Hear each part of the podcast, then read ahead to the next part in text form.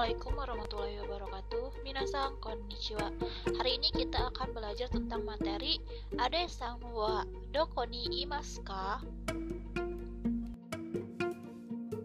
Pembelajaran kali ini yaitu diharapkan kalian dapat menyebutkan posisi keberadaan seseorang serta mengungkapkan mengenai keberadaan seseorang dalam bahasa Jepang. Tadi kan judulnya Adesan wa doko ni imasu ka? Adesan itu orang, doko itu artinya di mana, ni imaska itu ada di mana. Adesan wa doko ni imaska artinya adesan ada di mana. Ke kosakata. Di sini ada kosakata posisi. Yang pertama itu ada usiro, artinya belakang kalian bisa lihat posisinya Doni dan Ade. Itu panahnya ke mana? Jadi Doni ada di depannya Ade berarti Ade ada di belakangnya Doni ya. Nah kemudian Mae. Mae itu artinya depan. Oke paham ya? Lihat arah tanda panahnya. Kemudian tonari. Tonari itu artinya di samping. Lalu ada imas artinya ada untuk benda atau benda hidup atau seperti manusia, kemudian hewan, itu imas. Nah, kalau kemarin kan ada arimas, itu artinya ada, tapi itu untuk benda mati. Nah, kalau untuk benda hidup itu pakainya adanya bahasa Jepang.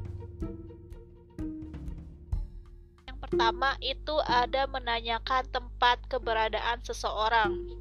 Kalian bisa lihat pola kalimatnya.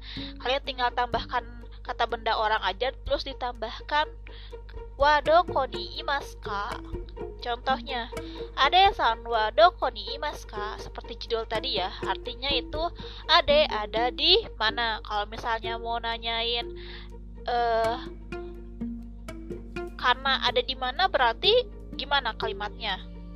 Ya, tinggal masukin aja nama kananya. Berarti karena san wadoko ni imaska selanjutnya ini untuk menyatakan tempat keberadaan seseorang. Seseorang itu ada di mana gitu. Tempatnya disebutkan. Di sini kalian masukkan nama orang, kemudian tambahkan partikel wa, kemudian tempatnya.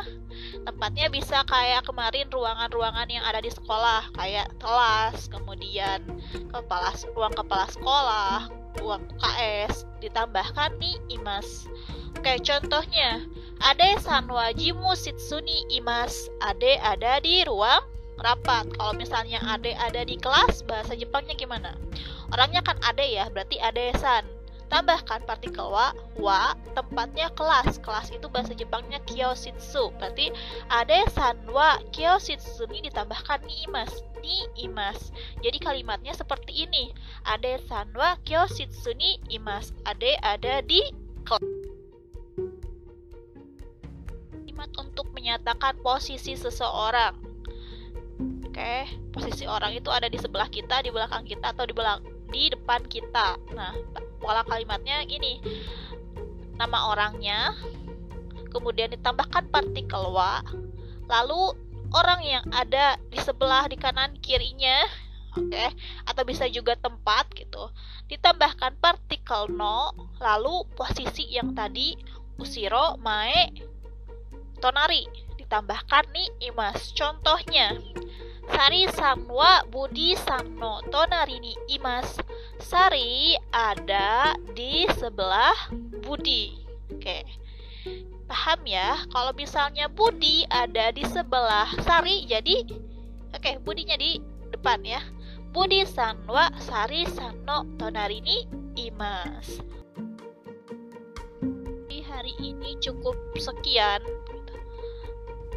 cukup singkat padat dan jelas ya oke okay? kalau misalnya kalian tidak uh, paham atau ada yang kalian tidak mengerti kalian bisa komentar di bawah atau bisa komentar di Google Classroom atau juga kalian bisa uh, langsung menghubungi sensei via WhatsApp untuk materi kali ini cukup sekian.